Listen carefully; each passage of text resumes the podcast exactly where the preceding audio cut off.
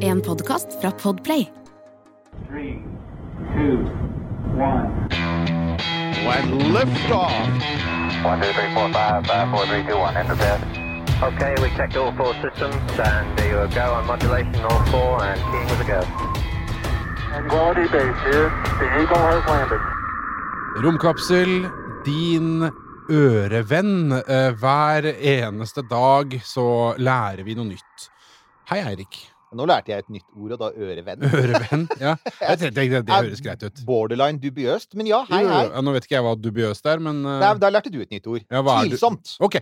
Ja, ja det, jeg, hørte det, jeg hørte det idet det kom Ja, ja, ja. Nei, altså, av og til må jeg forsøke å skryte på meg litt grann sånn uh, akademisk kredibilitet ved å bruke kredibilitet. Troverdighet. ja, ja, det, det kan jeg. Ja, ikke sant? Ja. Uh, ikke sant? Det Don't be patronizing.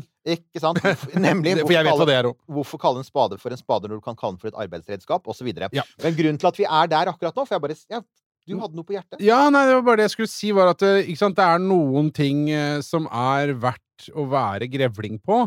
Uh, man biter seg fast og slipper ikke før det knaser.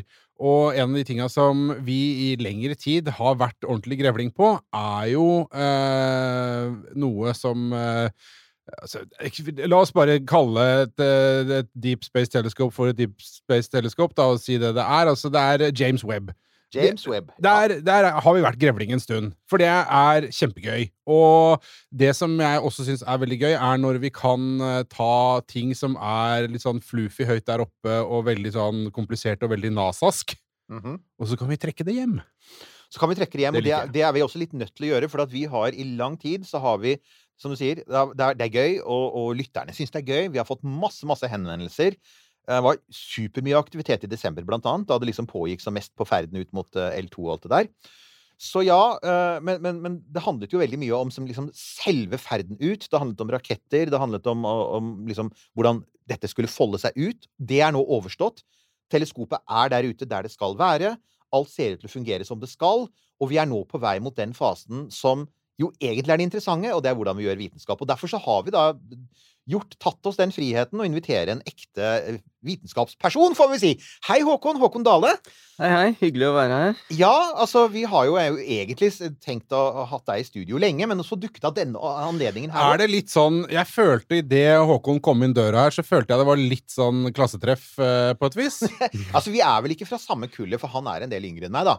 Men, men Håkon har jo da faktisk eh, Han har jo den jobben som jeg drømte om i sin tid! altså, Og så sitter jeg her og lager podkast. Men uansett, Håkon. Uff, du how er jo the forsker. mighty have Nei. Ja, how the mighty. Ja, det er, bare si det, du. du er, bare få det ut. eh, Neida, jeg er glad i deg, jeg. Ja, takk for det. og jeg deg òg. Og jeg ser at folk er veldig imponert av det unabomber-skjegget ditt, så Takk. ja. Nei, men um, eh, Håkon, du er jo forsker ved Institutt for teoretisk astrofysikk i Oslo. Ikke sant? Mhm. Som er det stedet hvor de fleste astronomer, astrofysikere i Norge jobber. Ja, det stemmer. Ja. Og så ser man på nettstedet til Institutt for teoretisk astrofysikk, og så ser man at dine faglige interesser er kosmologi, ek ekter av galaktisk astronomi, gravitasjonslinser, galaksehoper, galakseutvikling, mørk materie og mørk energi, og der oppsummerer vi stort sett alle de vanskelige spørsmålene som vi sjelden svarer på fra våre lyttere. Kan jeg bare si at eh, jeg syns at eh, Institutt for teoretisk astrofysikk er noen av det gøyeste navnet som fins i hele verden. Ja. Det er bare fordi det er, det er sånn Ja, hva driver dere med? Nei, det Theoretical Du må ha uh, hvor, ma hvor mange er mye mange studiepoeng? 50? 60? 70? 90? 100? Studiepoeng, altså, åssen er det nå? Altså, jeg, er igjen, jeg er litt for gammel for dette her. jeg. Ja, jeg tror du får 30 per semester. Uh, Ok, ja. så 200 studiepoeng, da. Det er ganske mye. Du får si det Ja. sånn, Ja. inflasjon. Du må ha 150 studiepoeng for i det hele tatt begynne å skjønne hva de holder på med på Institutt for teoretisk astrofysikk. Men altså, altså du er da, hva, hva liker du å kalle deg? Astronom? Astrofysiker? Astrofysiker. Ikke sant? Det er det vi stort sett gjør. Det høres bedre Dessuten, det er litt større avstand fra astronom eh, fra astrofysiker til astrolog enn det er fra astronom til astrolog. Så jeg, min erfaring gjennom mange mange år er at hvis man sier astrofysiker, at det er astrofysikk man har studert, så er sjansen mindre for at man sier at eh, den du prater med, sier ja, eh, ja jeg, jeg hører til Tyrens stjernetegn. Hva vet du om det? Ikke sant? Så, ja. Ja, det er nok riktig. ja.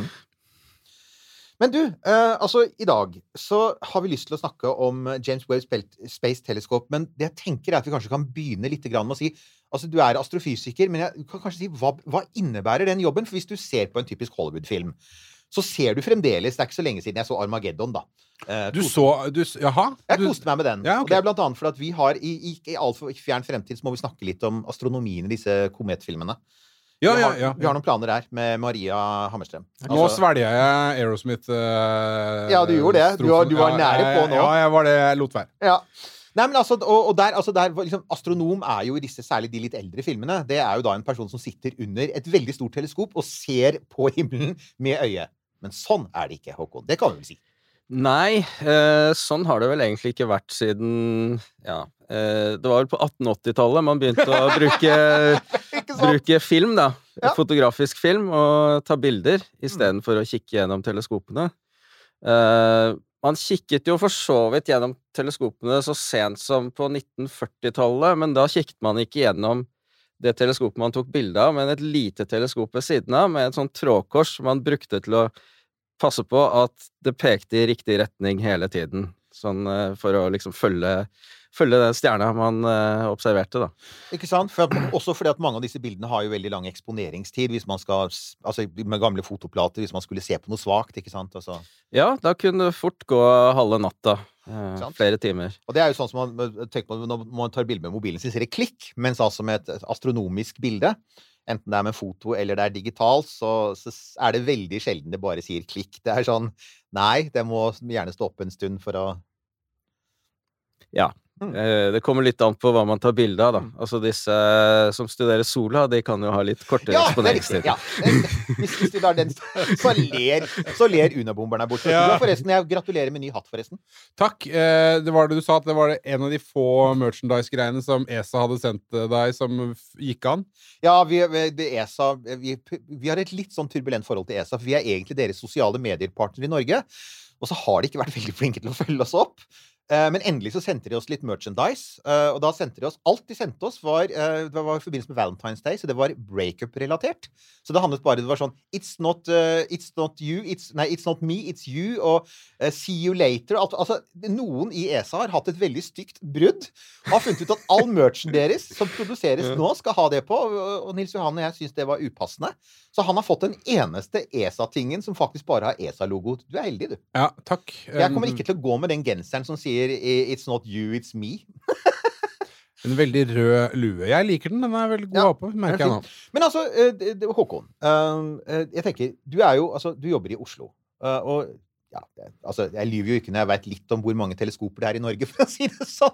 Altså, det er jo ingen store sånn observasjonsklasse, internasjonal klasse teleskoper i Norge. Så når du jobber med, med data, altså, hvor henter du dataene dine fra? Jeg antar det ikke er fra et norsk teleskop, for å si det sånn. Eh, ikke fra et teleskop i Norge, men eh, det er jo et nordisk teleskop som Mm. Norge er med på eh, på Kanariøyene. Som er eh, ja, sånn middels stort. Det er ikke av det aller største, men eh, der har jeg brukt eh, mye tid. eh, observert. Det er altså nordisk optisk teleskop, er det ikke det jeg sier? Ja. Og det ligger på La Palma, hvor det har vært litt vulkanutbrudd, er det ikke det? Stemmer. Så det har jo vært noen netter hvor man ikke har observert fordi vinden blåser i feil retning, og så kommer det litt vulkanstøv og legger Jeg seg. hater så- når det skjer, ass. Altså, La Palma er jo Jeg har bare vært der én gang, men det var altså på kanten av det vulkankrateret. For det ligger vel nærmest på kanten av et gigantisk utdødd vulkankrater, som viser seg at var det ikke så utdødde vulkaner der likevel, altså.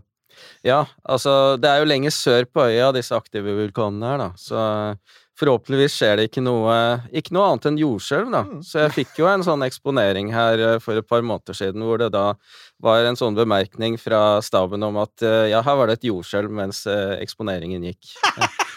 Men der er du jo inne på det, og det er jo det med at når det tas bilder for deg da, fra f.eks. Nordisk optisk teleskop, er det nødvendigvis sånn at du er til stede? For det er igjen en annen ting man ser i filmen er sånn Astronomen er der og trykker på knappen, eller er det sånn at du kan bestille det, og så tar noen altså teknisk mannskap, eller hva man skal kalle det, gjør jobben for deg? Det blir jo mer og mer av det siste. Mm. Eh, begge deler er mulig. Eh, det har jo vært lite av det under pandemien. Så under Mm. pandemien så har jo staben stort sett gjort alle observasjoner. Mm. Eh, men, eh, men det varierer veldig fra sted til sted, så eh, det finnes jo noen observatorier som er veldig hands on, hvor du må reise ned selv og ikke nødvendigvis gjøre alt alene, men at du har en du kan si, teleskopoperatør som peker teleskopet dit du vil, og så sitter du og kontrollerer instrumentet da, som samler data. Det, det skjer en del. Og så har du da andre, for eksempel da Very Large Telescope, som det heter, i Chile.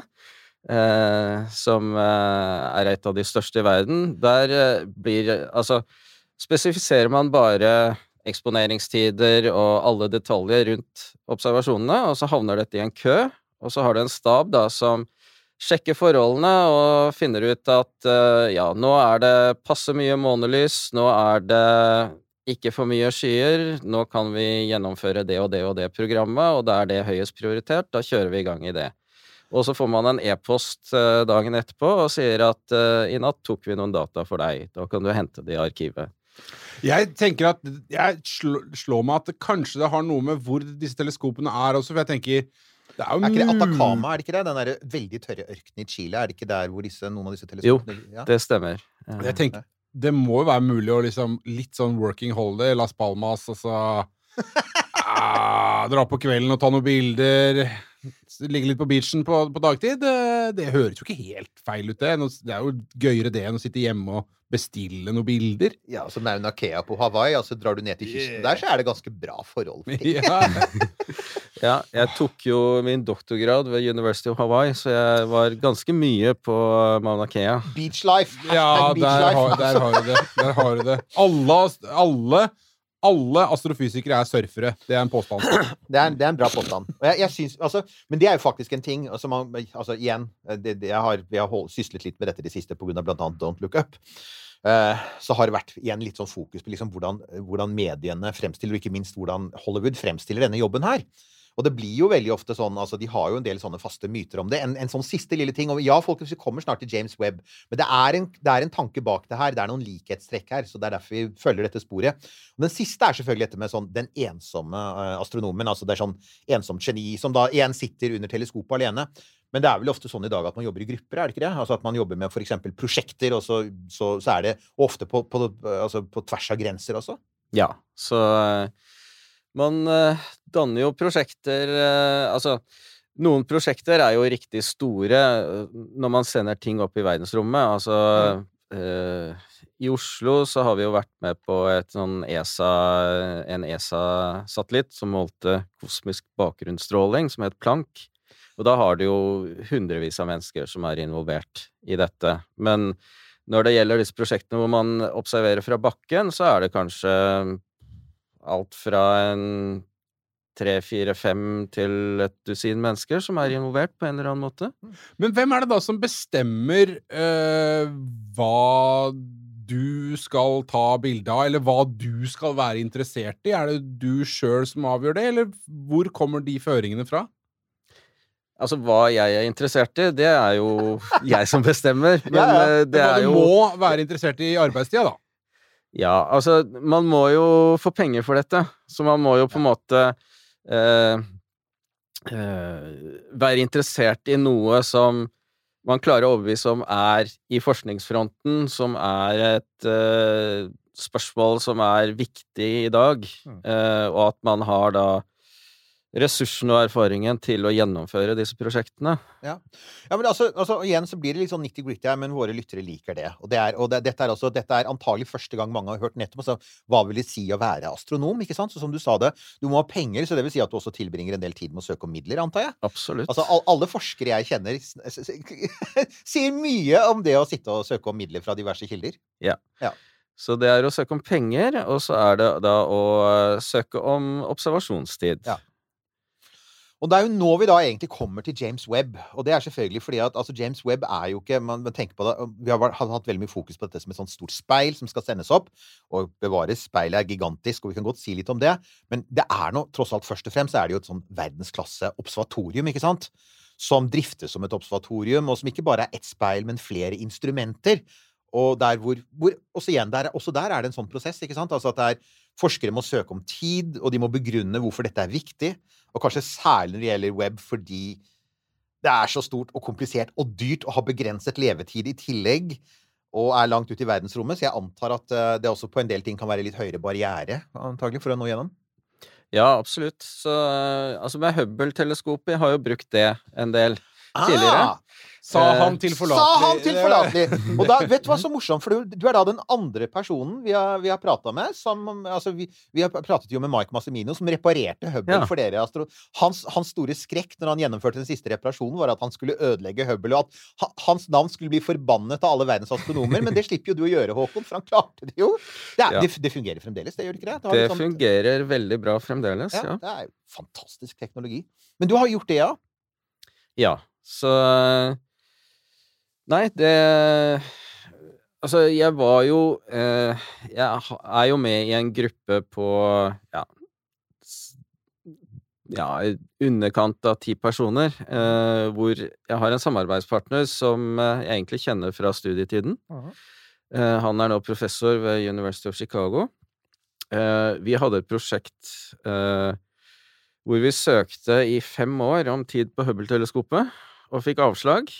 Det er ca. én av ti prosjekter som eh, sant? For det er får tid. ekstremt, jeg antar det er ekstremt populært blant eh, astrofysikere å forsøke å observere med det, siden det er så unikt. Ja, ja. Så vi søkte i ti år, eh, nei, i fem år, eh, fikk avslag hver gang, og så gjorde vi en litt annen vinkling, eh, skrev om søknaden helt, og da fikk vi tid på et ganske stort prosjekt.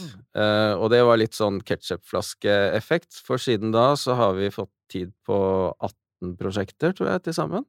Hva er det, hva, hva, sånn, kunne du kanskje si, hva er det dere søkte på? Altså, hva er det, hvilket av de fag, faglige interessene dine dekker det? Altså, eh, altså, det dreier seg jo om gravitasjonslinser. Ah, vi burde jo egentlig ha en egen sending om det, men, Men hallo! Hei, for meg som sitter her Ja, okay. borte. kom igjen! Gravitasjonslinse. Du, dette er en podcast, og vi har god tid, må, så- Ja. du må, før du går videre nå, Ja, ja, Håkon, du går Håkon, så må du forklare hva er det Ja, altså det er rett og slett at naturen har laget noen uh, fine forstørrelsesglass der ute som eh, eh, bøyer av lyset. Altså dette er jo en konsekvens av eh, egentlig relativitetsteorien til Einstein, da, at eh, jord At, at rommet krummer seg. Eh, når lysstråler passerer gjennom dette krumme rommet, så blir det avbøyd. Kan endre retning. Hvis man er heldig, så blir de bøyda på en måte som gjør at de blir konsentrert i vår retning. Det betyr at sett fra vårt eh, synssted, uh, ståsted, så ser disse fjerne objektene større ut og lyssterkere ut enn det de ellers ville gjort. Ah, ok. Men, og da har jeg oppfølgingsspørsmål. Er disse gravitasjonslinsene konstante, eller er det sånne ting som oppstår Um, altså, og forsvinner? Det um, kommer litt av på hva slags type linser det er. Altså, du kan ha Du kan si digre galakser, eller galaksehoper til og med, klynger av galakser, som fungerer som gravitasjonslinser. Og de eh, endrer seg ikke over tidsrom eh, Som vi mennesker kan som vi eh, kan bry oss om. Ja. Men eh, så har du andre typer gravitasjonslinser, hvor det for eksempel er en stjerne som passerer rett foran en annen stjerne. Og da vil man se da at den eh, fjernere stjerne, stjerna, lyset fra den, plutselig øker da over en periode på noen uker til måneder. Eh, Så da endrer det seg ganske kjapt. Og da, det er da man må tenke at da skal altså den stjerna ligge på linje i forhold til det du ser bak, og jorda, ikke sant? Ja, det skal Og- og ja. Og sannsynlig, altså Hvis du tenker på hvor svært universet er, hvor langt unna den stjernen er, og hvor godt det skal treffe, det er jo det er, Jeg antar det ikke er veldig Det er ikke veldig ofte det skjer, ikke sant? Altså, Nei. Uh, så du kan si Einstein drev jo og regna på dette her allerede før han uh, var ferdig med den generelle relativitetsteorien. Han regnet på gravitasjonssynseffekter. Mm. Uh, og han var jo fryktelig pessimistisk. Han tenkte at ok, dette er en artig uh, konsekvens av teorien min, men det er aldri noe vi vil klare å observere. Så han skrev jo flere artikler hvor han var veldig Han beskrev fenomenet, men han sa også at vi kommer antagelig ikke til å observere dette her, fordi det skal så mye til at ting er på linje, at man ser akkurat i riktig retning på riktig tidspunkt. Men så, på 60-tallet, så dukket det opp en nordmann som het Sjur Refsdal, som regna på dette her, og fant ut at uh, dette her var faktisk mulig. Uh, man regna på det før man faktisk hadde observert det. Eh, Så han skrev i sin, eh, sin eh, artikkel, da, eh, fagartikkel, at eh, We find contrary to Einstein. Og det er Å, gull! den sitter langt inne! Ja, ja, ja. Det, det må være et flott øyeblikk for en astrofysiker å kunne si det. Åh. Å, det er nydelig. Mm. Ja, Så det er, så det er det dere har jobbet på med Hubble, rett og slett? Det Ja. er, um, Ja, så det vi ser på, det er rett og slett fjerne galakser som er blitt forstørra opp av denne effekten. mm. Eh, og det gjør at uh, vi kan se detaljer i disse galaksene som ikke vært, ville vært mulig ellers. Mm. Så si, vi ser på avstander hvor lyset har vært underveis i over 10 milliarder år. Mm. Eh, på de avstandene, så selv med Hubble-teleskopet, så vil en galakse bare dekke noen få piksler. Mm. Og vi kan si Vi kan måle liksom egenskaper som gjelder for hele galaksen. Vi kan måle lyset samlet fra alle stjernene i galaksen. Men vi kan ikke si noe om at der i den delen av galaksen så dannes det mye stjerner. Der er det gamle stjerner, der er det mye gass, der er det eh, ja, eh, forskjellige egenskaper i forskjellige deler av galaksene. Det kan vi ikke eh, måle, eh, selv med Hubble-teleskopet. Men hvis man bruker da disse linsene, så blir dette her forstørra opp og blåst opp så mye at man kan se detaljer inni galaksene langt tilbake i tid. det er kult. altså. Wow! Ja, det er kult. Og, Og og, dette her har du sittet og visst om, Eirik. Altså, jeg har, ja, ja, jeg har jo hørt Ja, ja, om dette arbeidet. Ja, ja, men dette, det? universet er stort, og vi har mye å, å snakke om. Men nå er vi endelig her. Endelig. Og, og jeg kan si at veldig mange av våre lyttere kommer til å like dette. For at akkurat disse altså disse spørsmålene her, som går nettopp på altså sånn, uh, alt som har med sånn tunge objekter og relativitetsteorien og mørk energi og mørk materie og alt dette her, er jo altså Det er jo Men eh, favoritter. Ja, vi, må spole litt tilbake her. Eh, fordi eh, du sa at dere hadde søkt eh, Du og kollegaen din hadde søkt eh, i mange år, fått avslag. skrevet om, fikk tilslag, og så åpna det på en måte en dør. Da, er- jeg føler at det er nesten litt sånn som Altså En regissør som får mulighet i Hollywood, og så lager du én film som funker, og da får du masse flere tilbud. Er det, er det litt sånn Altså, når det har miljøet, eller the powers that be, ser at å ja, de har eh, faktisk noe for seg, de folka her, eh, da er det lettere å slippe gjennom og få eh, Altså, man bygger meritter, da, og så får man tildeling litt vekta på, på en eller annen merittliste. Eh, ja, det kan nok funke sånn, men eh, både ja og nei. Fordi eh, det man har gjort nå de siste fire-fem årene, er det vel nå, med Hubble-teleskopet, er at man tildeler tid Altså på en måte hvor det, det kalles for double blind. Altså de som bestemmer hvem som skal få tid. Eh, du vet ikke hvem som sitter i den komiteen. Det er ja. hemmelig. Ja. Men de vet heller ikke hvem som har søkt om tid. Og det er, Ah, okay. det er ikke så nettopp, da, for da går det veldig på med, med Ja. merittene. Ja. Og jeg, jeg antar også, hvis du tenker på at hvis det For det, med Hubble så er det jo sånn at det er teknikerne i, i, altså i NASA eller er det JPL, hvem, hvem det er som drifter Hubble, da. At det er de som tar bildene, ikke sant. Så, så du, du trenger ikke, når noen søker, så trenger du ikke å se på dem og si at ja, ja, de kan styre Hubble. Altså, for det, det er jo ikke astronomene som styrer Hubble uansett. Det er Mm. noen teknikere som gjør det. Ja. Så, det. så den faktoren er ute av det, og da kan du bare, bare se på prosjektet i seg selv, liksom. Så altså, det som har skjedd, er jo at eh, man da har fått flere prosjekter de siste årene som har gått gjennom hvor det er da yngre forskere som er eh, Som ikke har et sånn kjent navn, da, men eh, som da er i en tidligere fase i karrieren, som har fått tid. Ja, Veldig interessant. Og det handler jo også, altså, nå vet vi at altså, Hubble er jo på vei mot slutten, og det skal jo etter hvert komme nye romteleskoper. Så det har jo, for alt vi vet, så tenker man kanskje også litt altså, med at det, den har begrenset levetid igjen, så man må kanskje ta litt høyde for det også. Jeg vet ikke. Ja, man håper jo at dette vil eh, Altså, man, man har ikke noen sånn opplagte showstoppers da når det gjelder Hubble, men man Så man håper at det kan drives fram til tidlig på 2030-tallet. Wow! Oi, såpass, ja. Ja, nei, altså igjen. Og da snakker vi altså vi snakker om en dings som ble sendt opp på 1980-tallet, med mye teknologi fra tilbake på 1970-tallet. Så der, ja, der. Men uansett det, Vi, det, vi skulle jo snakke om James Webb her. Jo, men, men, men alt dette Dette er langsom oppbygging, min gode mann. Dette her er, Apropos du snakket om film. Ja. Dette er som en av disse langsomme regissørene som bruker halve filmen på å komme til poeng. Ja, ja. Men ja, alt dette er jo veldig relevant for Webb, for jeg antar jo, det vil si det jeg har sett så langt, tyder på at web driftes jo på, altså, i prinsippet på samme måten, med at Det er, ikke, det er ikke astrofysikerne som styrer teleskopet. Dere må sende inn søknader. Det er en komité som skal velge ut. Og igjen, eh, dette med å fordele tid er jo også en sånn svær greie her, ikke sant? Ja. Altså, det, er vel, det blir jo ekstra viktig med tanke på igjen at du står ikke på bakken, og, og du har og, og det er veldig mange som vil ha tid på det. Ja, så, så mye av eh, pr prosessene er de samme som eh, med Hubble-teleskopet. Mm, mm. Så ja, vi kan snakke litt om hvordan denne tiden blir tildelt. Ja, gjerne det, ikke sant? For at, ja. Eh, Fordi du har jo eh, For det første så har du jo de teamene som har bygget instrumentene på Mm. James Webb eh, Space Telescope. De skal jo ha noe igjen for det. Mm. Og noe av dette er jo da rett og slett at de får eh, At 40% av tiden det første året er satt av til disse teamene. Mm. Så det er de, det de kaller for guaranteed time observations. De har garantert tid eh, det første året, eller litt de senere årene også, men mest det første året. Eh, og så, eh, fordi da I utgangspunktet så er jo James Webb Space Telescope designet for fem års levetid. Det skal ha fem års levetid, minimum. Eh, og så er det sånn at disse teamene da, som har fått garantert tid, de har eksklusiv tilgang til dataene i tolv måneder. Og det betyr da at man da har en periode eh, hvor disse blir tatt det første året, og så har de tolv måneder eksklusiv tilgang.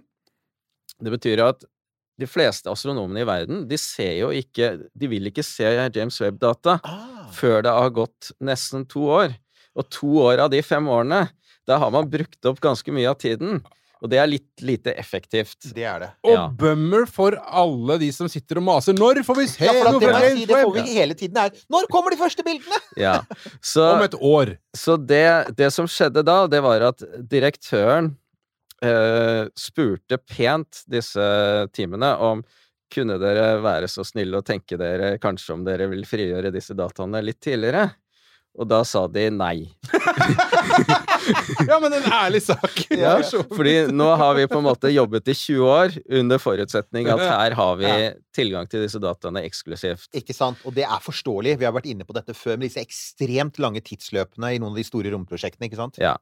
Så det direktøren sa da, var ok, men da har jeg faktisk 500 timer observasjonstid som jeg disponerer. Sånn har det vært med Hubble også. Direktøren har på en måte sin det de kaller for directors discretionary time, som eh, vedkommende bestemmer over.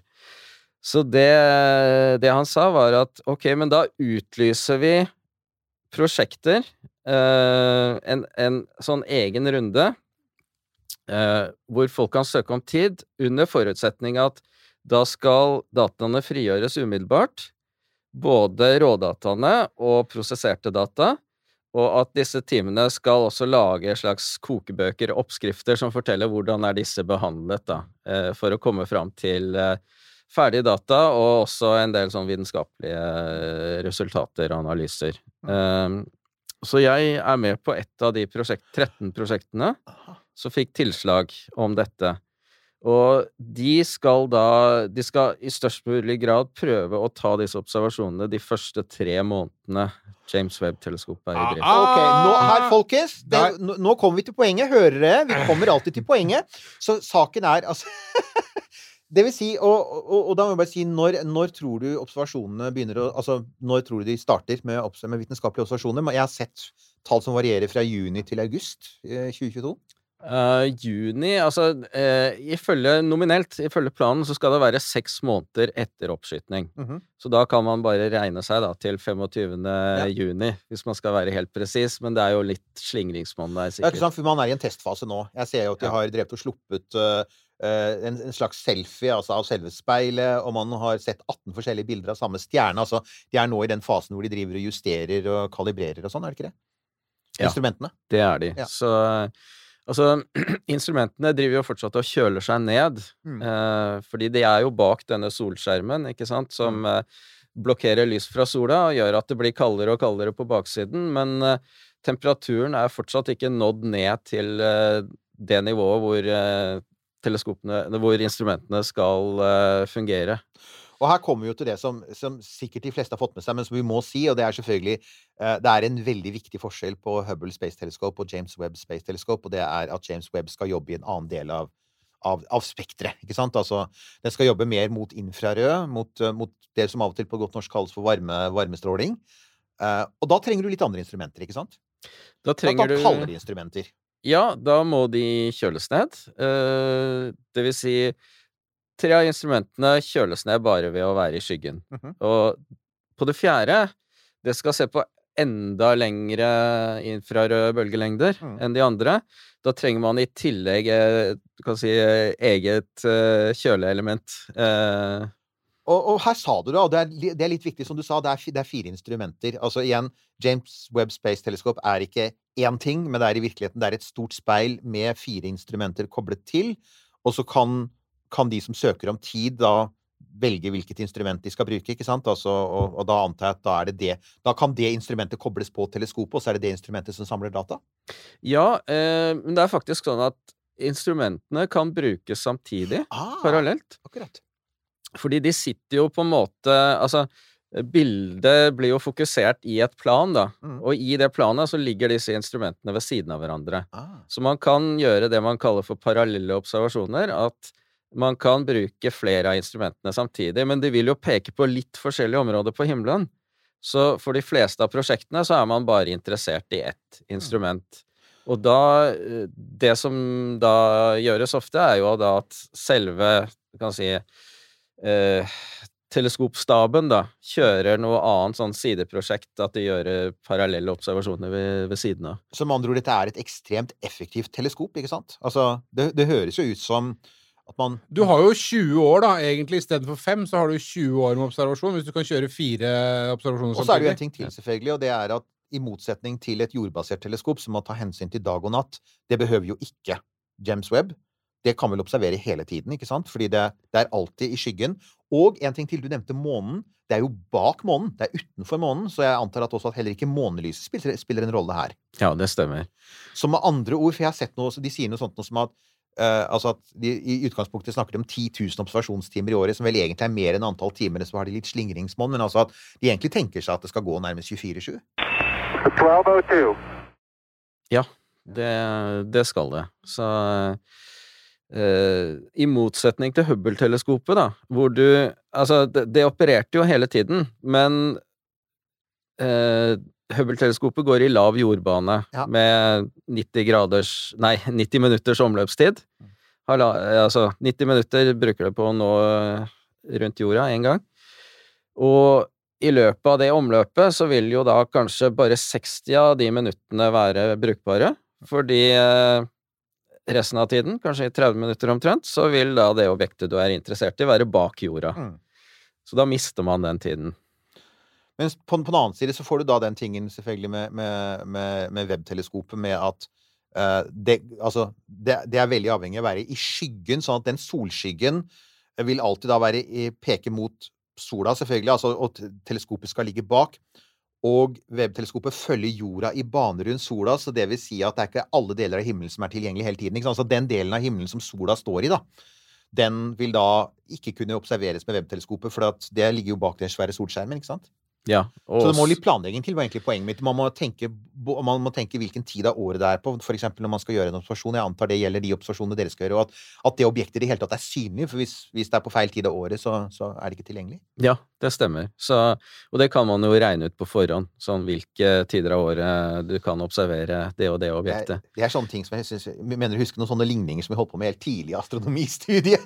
Ja, stemmer. Lange, kompliserte ligninger om, som, som handler om hvor, hvordan ting beveger seg over himmelen og sånn. ja. Ja, det er grunnkurs Ja, eh, for det- for ja, å det- finne de greiene der. Ja, men det er faktisk helt sant. Jeg tok eh, Jeg hadde sånn der Det het Celeste Mekanikk, og det var en veldig kjent eh, norsk astro, astronom i gamle dager som het Rolf Brade.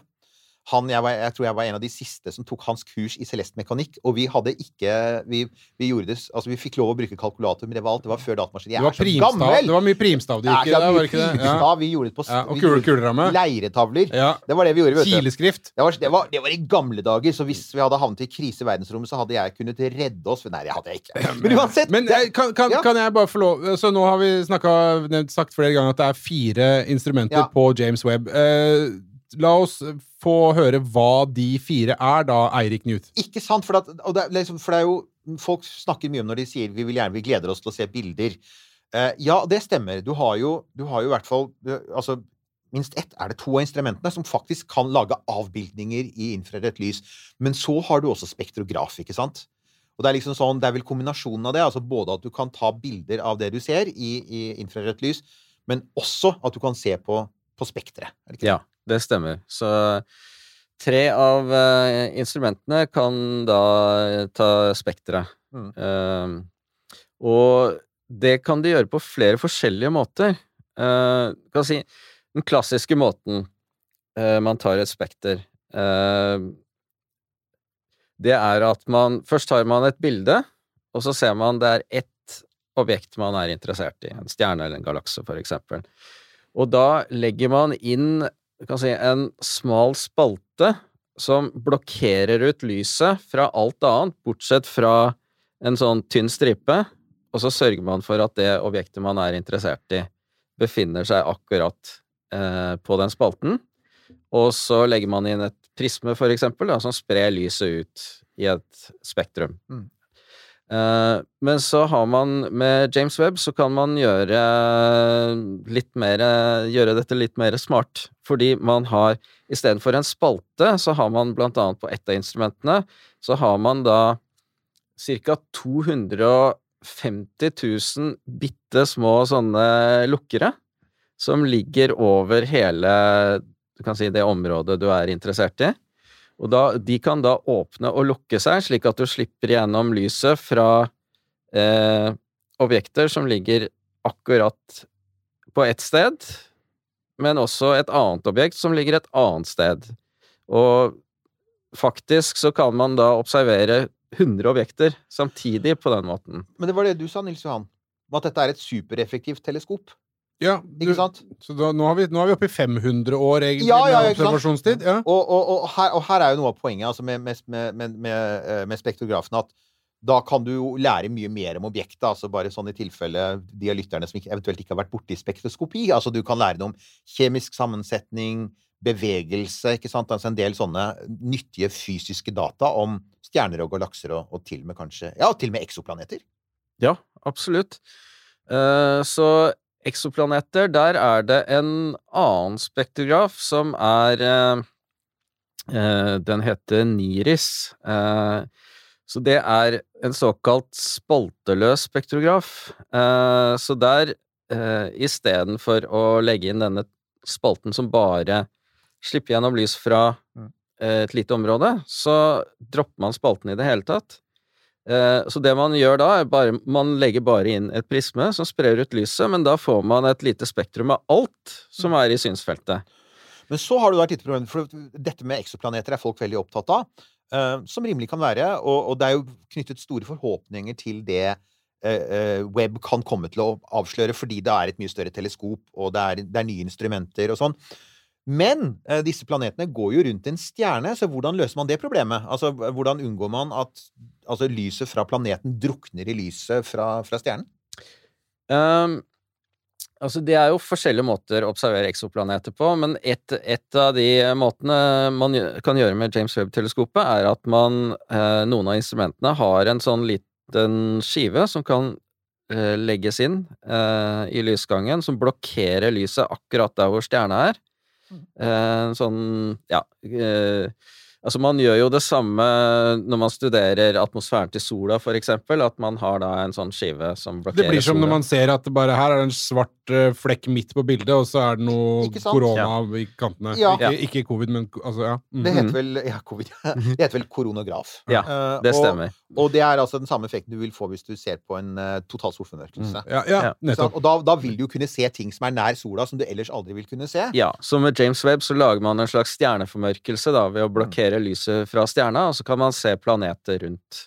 Og der har du igjen denne veldig fordelen med at du altså ikke er på bakken og har en atmosfære å se gjennom. Du er ute i vakuum, så det er ikke noe sånn spredning av lys i atmosfæren eller sånt. Og det er jo, legger du skiven foran, så, så blokkerer du jo lyset skikkelig. Du trenger ikke å tenke på at det er noe sånn urolig atmosfære som lyser For det er jo gjerne problemet når du observerer fra bakken, ikke sant? Men, eh, så det er måten Men de, de eksoplanetene man finner da på den måten, de må jo da ligge et stykke vekk fra stjerna si, da. Mm. Men så har du da muligheten til å studere eksoplaneter som er kan være mye nærmere, eh, og det er når de passerer rett foran stjerna, så vil man da eh, Så vil noe av lyset bli filtrert gjennom atmosfæren til ekso- eksoplaneten. Helt vilt, vet du. Eh, og denne, denne spaltløse spektrografen som jeg snakket om, den er ekstremt stabil, slik at hvis man ser bitte, bitte små endringer i spekteret til stjernen, som skyldes da at noe av lyset har passert gjennom en planetatmosfære, så klarer man å registrere de indre- endringene. Jeg- Altså Og det er jo da, Nei, nei! Jeg må bare si Ja. Jeg Get it out! Folk det, altså, det, Skjønner du, kjære lytter av Romkapsel, uh, hvorfor uh, James Webb Telescope er så bananas på alle mulige måter? Mm. Uh, og det er folk som har tenkt. Og så veldig, veldig grundig! Og jeg blir så fascinert av det! Og det er liksom Her Jeg skjønner jo det. Altså Umiddelbart tenker jeg selvfølgelig skal man ikke overlate noe til tilfeldighetene når man sånn, kjører i gang et sånt prosjekt som det her, men jøye meg! Jøye meg! Altså presisjonen her. Altså, for det, det, er, den biten der som sier det er en, altså, en, Husk på at en planet ved en annen stjerne Vi snakker om titalls tusen milliarder kilometer. Dette var ting vi ikke engang visste Altså, vi hadde jo ikke engang observert det for bare altså, Det er jo knapt 30 år siden denne eksoplanetrevolusjonen startet. Så ofte så sier man sånne ting som Ja, ja, altså Det hender jo man sier om, om, om eh, webteleskopet at det har tatt veldig lang tid. Vel, altså, ærlig talt eh, altså, Hvis du ser i et historisk perspektiv, så er det jo en total revolusjon vi snakker om her. ikke sant? Altså, Vi går fra å ikke egentlig ha sett eksoplaneter, til nå å ha et gigantisk romteleskop som skal se på atmosfæren til de samme planetene ved å se på stjernelys som filtreres. Ja, det er helt vanvittig. Ja, altså, man har jo Med Hubble-teleskopet så har man jo klart det allerede, men de planetene man klarer å studere på den måten, de er ganske svære. Mm. Så de er, du kan si, på størrelse med disse gassplanetene i vårt eget solsystem. Eh, de er ikke det man kan kalle jordlignende planeter, da. Uh, Og det er litt den hellige gral, ikke sant? For det, er jo det, det er det alle går og venter på. Er- det det folk er mest spent på. For nå, vi, har, vi vet allerede en del om atmosfærene til disse her Jupiter-størrelseplanetene ved andre stjerner, men, men igjen, disse små planetene i sånn I, i livssonen rundt en annen stjerne. Og, Goldilocks. Goldilocks, hele den pakka der. Og, men det er klart, det er jo Igjen så er det jo noe Dette er jo noe vi er genuint interessert i. Ikke bare fordi folk syns det er spennende, men det har jo stor forskningsmessig verdi også.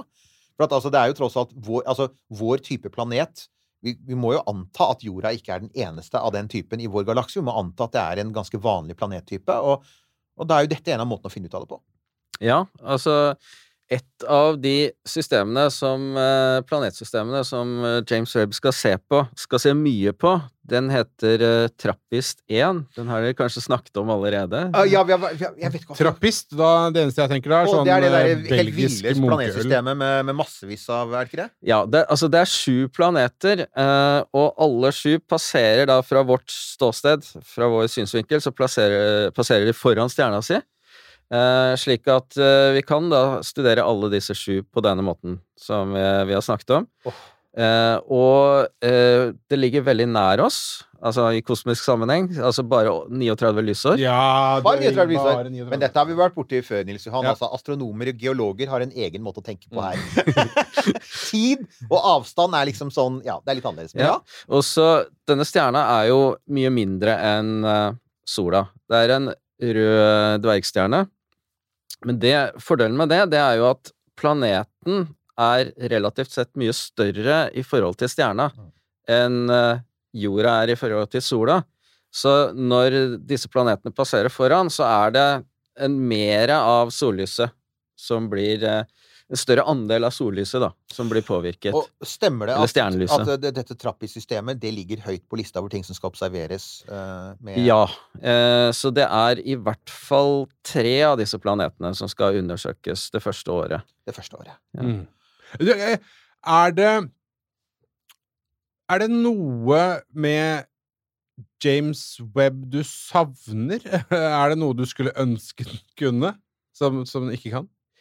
Altså, det er jo dette med blått og ultrafiolett lys, da. Som Mm. eh, da man får med Hubble-teleskopet. Eh, Men eh, når eh, Hubble-teleskopet eh, forhåpentligvis lever det lenge, men når det da til slutt eh, ikke virker lenger, så har man da et ganske stort gap.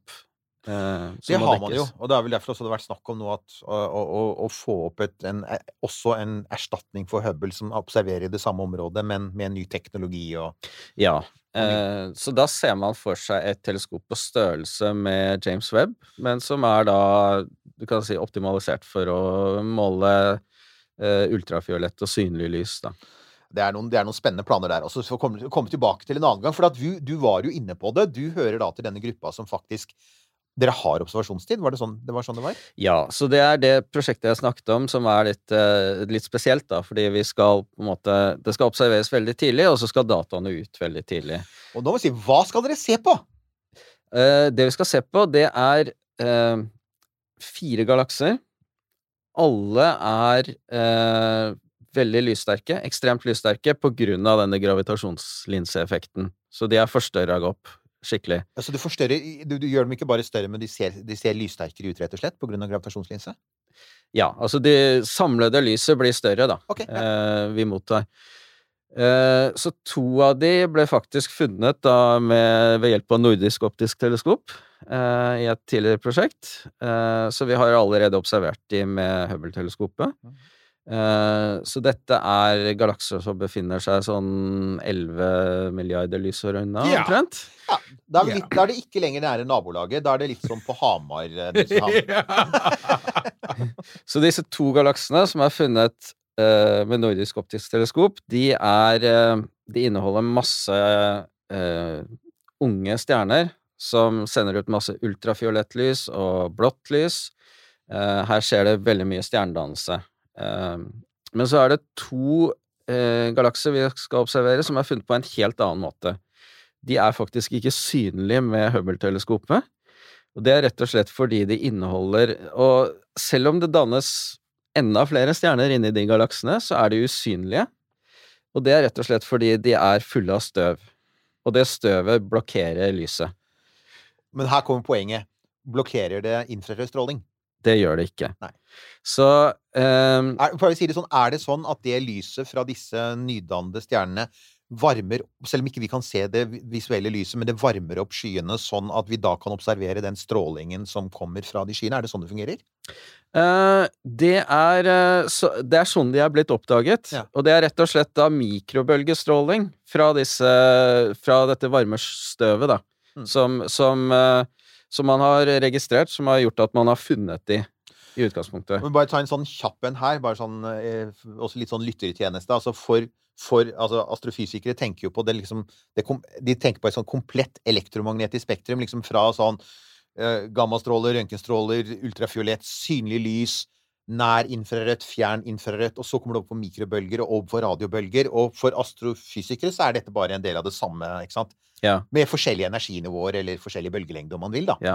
Så du kan si, det vi har gjort i dette prosjektet, det er at man har, tidligere så har man hatt du kan si, ett miljø astronomer som har studert eh, med optiske teleskoper, eh, fjerne galakser. Og så har du et annet miljø som har brukt radioteleskoper, eller mikrobølgeteleskoper, til å studere fjerngalakser. Og de kan Altså, vi eh, kan i liten grad studere hverandres galakser, fordi eh, våre galakser eh, sender ikke så ut så mye mikrobølgestråling, og deres galakser sender ikke ut synlig lys, fordi det blir blokkert av støv. Men så møtes vi på en måte på midten, da, ikke sant, i det infrarøde området, Ja. eh, hvor man da kan studere hverandres galakser og sammenligne de og egenskapene i det infrarøde området. For når du sier eh, 11 milliarder lysår unna, så snakker vi også om at det er 11 milliarder år gammelt lys, ikke sant? Ja. Så dette er veldig unge galakser. Og, og de, er, de er det. Ja, ja, jeg- det- jeg, jeg vet hva, jeg, må- jeg, må, jeg må skyte inn dette her er så ordentlig fra sidelinja, helt greie. Uh, uh, Håkon, er du Hva er langt? Altså, er det langt å kjøre til Tromsø? Bil? Kjøper du bil til Tromsø? Er det langt, syns du? Hvor lenge hvor, når, når, blir du, når blir du lei av å vente på noe? Ja. Ja, man, man må liksom ha litt forskjellige perspektiver i hodet, da. Ja. ja. Nei, det er bare fortsett, dere. Jo, nei, men altså, det er jo litt, at, altså, og det, det bringer jeg også For det, det er også sånn altså, Man har jo satt opp sånne, noen sånne hovedmål ikke sant, for, for, eh, for James Webb Space Telescope, som er sånn nettopp det. Og ett av dem er jo å, å se bakover i tid og se tilbake til den tidligste fasen av universets uh, liv. og det som ofte alltid kalles the dark ages, den perioden hvor det var veldig lite visuelt lys, men desto mer for eksempel infrarød eller varmestråling. Eh, og det er klart, når du er 11 milliarder år tilbake i tid, da snakker vi om ganske, vi om ganske unge galakser, ikke sant? Ja, eh, altså det vi ser tilbake til, det er egentlig den epoken eh, da de fleste stjernene ble dannet. Altså eh, stjernedannelsesaktiviteten, eh, raten eh, nye stjerner ble dannet på, altså eh, var ca. ti ganger høyere så Enn den er i dag. enn den er i dag. Mm. Eh, så Folk, da Folkens, det går nedover. ja. Ja, ja. Så, men eh, Så det er Du kan si de objektene vi i utgangspunktet skal studere, de er på denne, i denne epoken. Eh, men så er det sånn at for å se disse objektene, så ser vi i retning av disse gravitasjonslinsene. Og da vet vi at i hvert fall noen av de er såpass kraftige at de galaksene vi er interessert i, de er ikke de eneste galaksene som blir forstørret opp Mm. eh, i den retningen. Og vi vet også at når vi da bruker James Webb-teleskopet, så vil vi kunne se enda tilbake, lenger tilbake i tid Mm. enn med Hubble-teleskopet. Eh, og det er jo blant annet fordi vi da observerer infrarødt lys, og at det som i utgangspunktet ble sendt ut som synlig lys, og til og med ultrafiolett lys, der er da bølgelengden blitt strukket av denne kosmiske rødforskyvningen. Altså, i løpet av tiden lyset har vært underveis, så har universet utvidet seg. Og i takt med denne utvidelsen så har bølgelengden til lyset også blitt strukket ut. Så ja. Ja, men altså, ok. Men hei, bare nå. Jeg, det jeg syns er morsomt nå, er at eh, studiepoenget borti her sitter og, så, Som Nei, Eirik eh, sitter liksom og nikker og er med på det, mens jeg sitter med en tanke om at Vet du eh, Om du nå bare hadde sittet og funnet på, Ja, ja. så hadde det vært helt greit for meg. ok.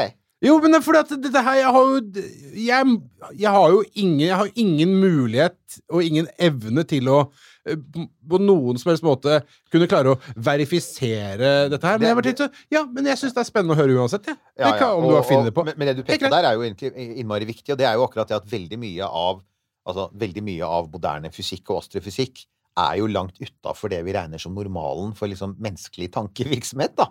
Og det er klart, det 20. århundret var veldig spesielt sånn at det dukket opp en haug med gjennombrudd. Fra sånn relativitetsteorien, kvantefysikken og disse observasjonene som ja, Observasjonene av at universet ekspanderer og alt dette her. Som vi, jeg, tror, jeg tror fremdeles at vi som mennesker liksom sliter med å inkorporere dette i sånn vårt vanlige tankesett. Fordi det er det universet vi lever i. Det suser i alle retninger, og lyset Jeg hører du strekkes ut, og- Ja, det, ja, det er det. det er det. Og heldigvis kan du si at du, du lever på den lille boblen som heter jorden, og hvor du slipper å tenke på det i det daglige. Men det er jobben da til Håkon å tenke på det. men, men altså, det er som du sa, du var inne på det. Du er jo ikke aleine. Du er en del av en gruppe, så dere er da eh, Er det igjen en sånn internasjonal gruppe med, med forskere med samme interesse som, som skal samle inn disse dataene?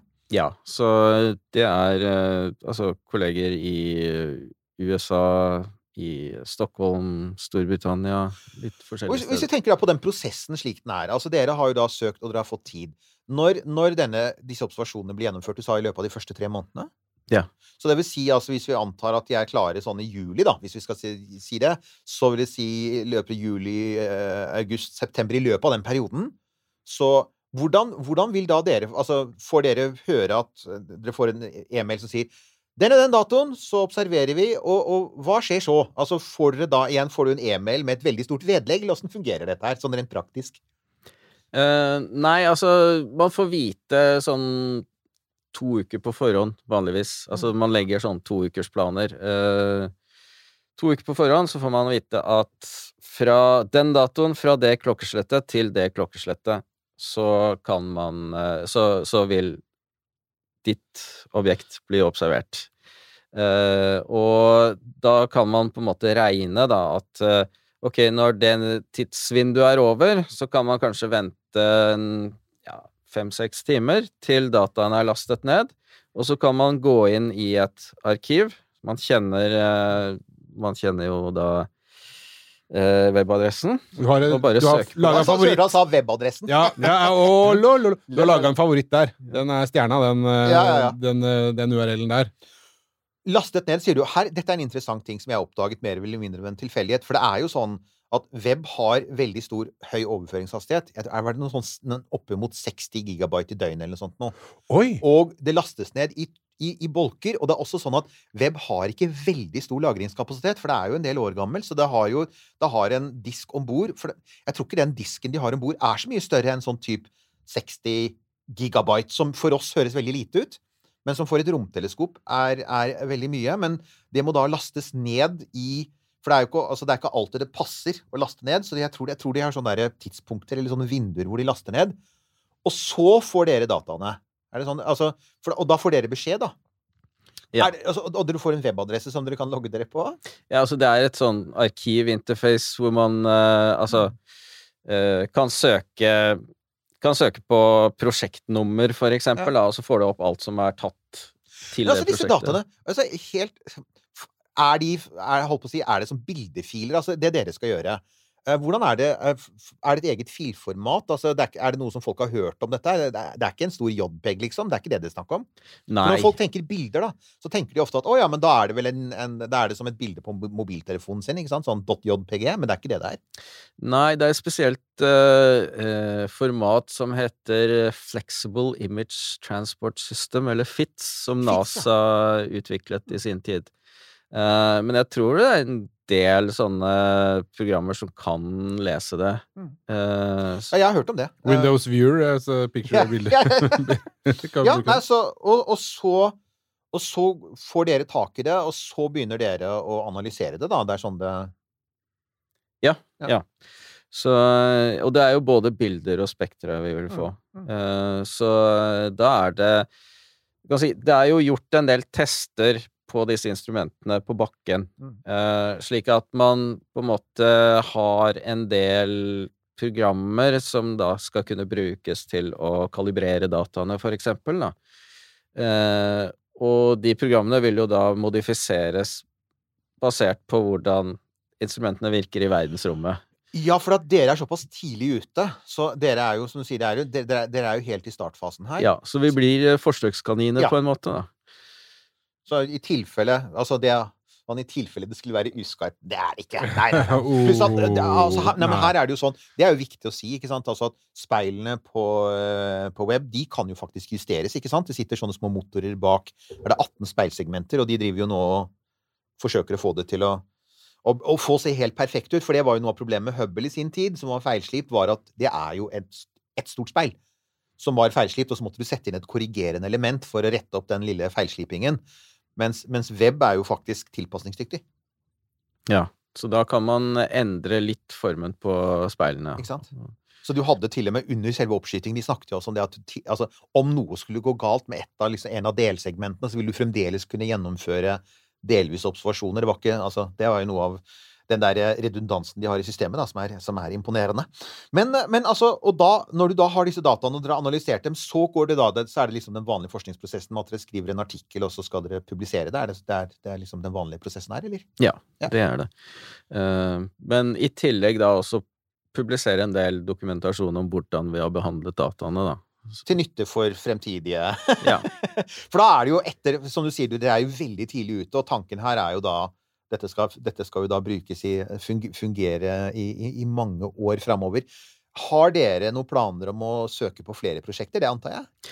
Ja, altså, eh, det har jeg ikke nevnt, men vi har jo fått tid på to andre prosjekter. Ja, der var det, vet du! Ja, ja. Sånn apropos Mm. prosjektgrossist. Ja. Dale. Ja, fordi eh, i tillegg til Nå har jeg snakket om disse her eh, garanterte observasjonene, mm -hmm. og så er det disse tidlige observasjonene som eh, som uh, vi er med på, men så er det også en sånn Har det vært en helt ordinær utlysningsrunde uh, for de resterende omtrent 50% av tiden. Eh, så der har vi fått tilslag på to av de prosjektene vi søkte om. Eh, og dette er også altså samme, samme type målinger, egentlig, men to andre objekter. Så dette er da to Det ene det er den lyssterkeste galaksen vi kjenner, som ligger 11 milliarder år eh, eller lenger Mm. eh, tilbake i tid, eller ja, lenger ute. Eh, og den andre, den er den lyssterkeste vi kjenner, som er 12,5 milliarder lysår unna. 12, og det er altså 12,5 milliarder år tilbake i tid. Hvor gammelt var universet sist vi sjekka det? 13,8. 13,8 er det nå. Oi. Så med andre ord, vi snakker om eh, Her snakker vi om helt- eh, barnehagealder, altså. Ja, ja, ja. Ja, ja. Og det som er spesielt med den galaksen, det er at eh, selv om da det bare har gått drøyt milliard år siden starten, eh, så har den rukket å samle nesten halvparten av eh, massen til eh, Melkeveien. Så du har eh, Hvis man ser på stjernene der, så er det omtrent halvparten så mange stjerner som Melkeveien. Himmel, altså. Det er eh, Ja, nei, det er eh, Og det, det er Åh, Men er det da Altså, øh, sånn, sånn som jeg hører deg nå, og det jeg ber om er jo å bli korrigert fordi jeg helt sikkert tar feil, øh, er at det, det dere skal gjøre med øh, James Webb, er å ikke leite etter nye ting, men se på ting som dere allerede veit er der? Altså, det er jo det som er grunnlaget for at vi har fått disse prosjektene, det er at vi vet det er noe spennende der. Men så er det det vi ikke vet om, som vi kanskje kan oppdage. Mm. Og da er det altså at uh, i hvert fall en av disse linsene er jo av de kraftigste linsene som James Webb kommer til å se på i løpet av det første året. Altså det er kanskje et halvt dusin eller noe sånt eh, virkelige massive gravitasjonslinser, galaksoper, som, eh, som forstørrer opp mange galakser bak. Og vi, i utgangspunktet så kan vi bare studere en av dem, men vi vet at det er mange andre der ute. Og vi vet at det er mange nye vi vil se som vi ikke har kunnet se med Hubble-teleskopet. Så vi vil også kunne bruke noen av disse dataene til å lete etter de tidligste galaksene, de som ligger aller lengst ute. sant? Og det, der kommer du vel tilbake til altså, at speilet er veldig svært og kan samle inn veldig mye lys. Og du har denne her skyggen som gjør at det blir ekstremt kaldt, og instrumentene kan liksom brukes til det. Så alt er på en måte optimalisert her, vel, for å kunne som du sier, fange opp så svakt infrarødt lys som overhodet mulig, og så langt ute som Ja, altså så langt tilbake i tid, da. Ja. Eh, og så i tillegg, det som er jo eh, ekstra interessant, det er jo at vi har jo denne linseeffekten som gjør at da de tidligste galaksene, selv om de er ganske små, så kan det jo hende at de blir forstørra opp såpass mye at vi kan se detaljer inni de også. Og der kommer vi tilbake til det som alltid altså For det, er, det, det har jo vært mange som har vært der ute og sagt sånn liksom Tenk på alt det, det spennende vi kan oppdage med, med, med James Webb. Og det er sant. Altså, vi kommer til å oppdage, og vi kommer til å få skarpere bilder, og vi kommer til å få bedre spektra, og, bare der Vi kommer sikkert til å lære masse nytt om, om, eh, om eksoplaneter. Men så er det som sier, den derre der X-faktoren. Det der med at du, kommer, du, du kan komme til å se helt nye ting. ikke sant? Altså det du ikke visste på forhånd. Som disse instrumentene alltid har gitt oss. Enten det er romsonder eller romteleskoper, så er det alltid et eller annet underveis som er sånn Oi, det ante vi ikke engang. Ja. Um, og det er jo Du kan si eh, Dette her med overraskelser, det er jo en viktig del av dette her. Ja. Eh, så da har du også en annen kategori som heter for Target of Opportunity. eh, som eh, Altså, du kan søke om et prosjekt som eh, Hvor det for eksempel er og Dere har sikkert snakket om Oumuamua. Ja, Noen ganger! Og Ja. han sa det riktig på første Ja! forsøk. Altså, det, dette er jo da en asteroide som har kommet inn fra et annet Eller er det det? Avi, det- ja, Avi Lob er uenig med deg. Nei, Ja. Men i hvert fall, hvis det dukker opp noe så eh, Noe tilsvarende, da, Mm. som åpenbart kommer utenfra eh, vårt solsystem, Ja. eh, så er det da altså et sånt prosjekt som har fått tid allerede, som eh, da eh, er slik at hvis man finner noe sånt, så vil James Webb-teleskopet rette seg inn mot Ok, det. så da kaster man seg rundt og bare Ok, og nå, er, nå må alle dere andre vente. Nå skal vi se på dette. Stemmer. Og der fikk vi anledning til å nevne en ting til som vi vet at altså, dette teleskopet skal brukes til, og det er nettopp sånn smålegemer i vårt eget solsystem. Så vi har liksom de ekstragalaktiske, veldig langt unna, veldig langt tilbake i tid. Vi har eksoplanetene. Vi har de sånn skyene hvor stjerner fødes i galaksene. Men så har vi også sånn Kuiper-belteobjekter og Oort-skyen, og det som da kan komme inn, som du sier, utenfra, som vi har blitt mye mer oppmerksom på de senere åra. Ja, så det er eh, Altså, det, James Webbs-teleskopet skal ikke bare brukes på ting som ligger fryktelig langt ute. Det skal se på ja, planeter i vårt eget solsystem også. Og, og det er derfor man ofte sammenligner det med Hubble, ikke sant? for det er et sånt generelt teleskop. For mange av de instrumentene, romteleskopene som har vært sendt opp, har fokusert veldig sånn spesifikt på en type objekter eller en type spektralområder. Men dette her er altså, dette er et veldig sånn bredt teleskop på alle måter, med veldig sånn med bredt virkefelt, Ja. rett og slett. Det er uh, sånn uh, sveitserkniv, nærmest, for astronomene. Kan brukes til alt mulig rart. Åh, Nils Johan! Vi, får, vi, må, uh, vi må smøre oss med litt mer tålmodighet, men ikke så mye som vi trodde. Uh, så Nei. det er veldig gledelig. Faktisk ikke. Og det jeg tenker er, kunne vi inngå liksom litt av den samme avtalen som vi gjorde med en eh, viss Mr. Hamran i ti sin tid, når det gjelder uh, gjelder rimfaks Ja, ja. på Mars, så, så tenker at kunne du være interessert i å komme tilbake og prate litt mer om dette når, du har, når, du har, når dere faktisk har brukt uh, webteleskopet? Ja, det gjør jeg gjerne. Og det har vært Du, kjempegøy. dette har vært veldig Jeg må bare si Det har vært veldig spennende, Håkon. Jeg må bare si jeg, jeg brenner veldig inne med en greie her nå. Istedenfor www, altså World Wide Web, Mhm. så er det jo UWW. Universe Wide Web.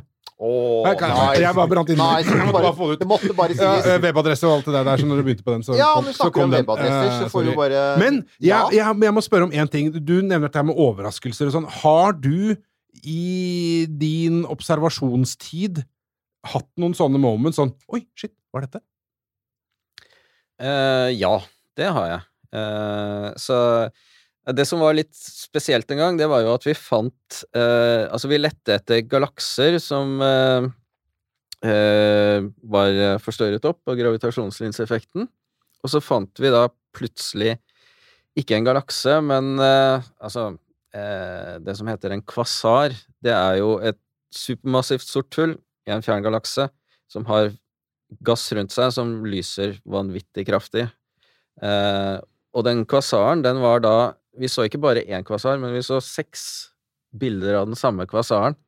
Eh, på Wow. grunn av den gravitasjonsvinseffekten Og det er, ja, nemlig. Det er et sånt øyeblikk. ja, Jeg tror på det. Ja, nei, men du, uh, som sagt, uh, du er hjertelig velkommen tilbake. Og så uh, får jo dere som pleier å kommentere episodene våre, dere får jo ha i bakhodet eventuelt neste gang om, dere har lyst til, om det er noen spørsmål dere har lyst til å stille Håkon. Om det er lurer dere på noe om universet, folkens, så Ja, altså, dere har jo allerede Dere vet jo allerede, etter å ha hatt en fin, veldig fin spørsmål- og svarrunde med Maria, at eh, her finnes det kompetanse tilgjengelig. Men altså, eh, vi får eh, begynne å runde av. Eh, I gamle dager pleide vi å si at romkapselen var på vei ned mot Kasakhstan. Det er den jo ikke lenger. Nei, eh, nå er vi bare på sånn smooth jeg, Vet du hva? Eh, Det må jeg bare si. Altså, det slutter ikke eh, å la meg imponere over eh, sånn eh, first stage return eh, på disse her SpaceX-rakettene, altså. Nei, jeg er helt enig. Jeg, jeg er ikke så Jeg syns ikke det er sånn, eh, Oppskyting er ikke så sexy. Jeg syns det er mye kulere å se det lande. Ja, helt enig. Ja.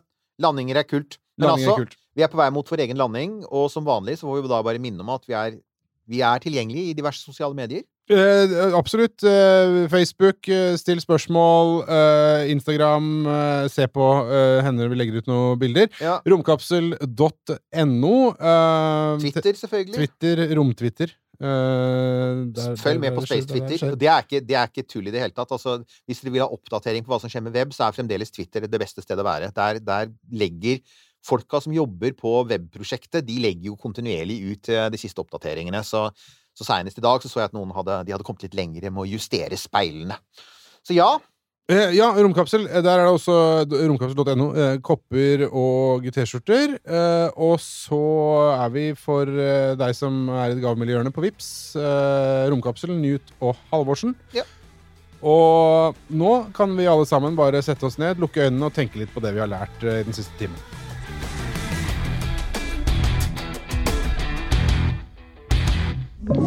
Du har hørt en podcast fra Podplay. En enklere måte å høre podcast på. Last ned appen Podplay, eller se podplay.no.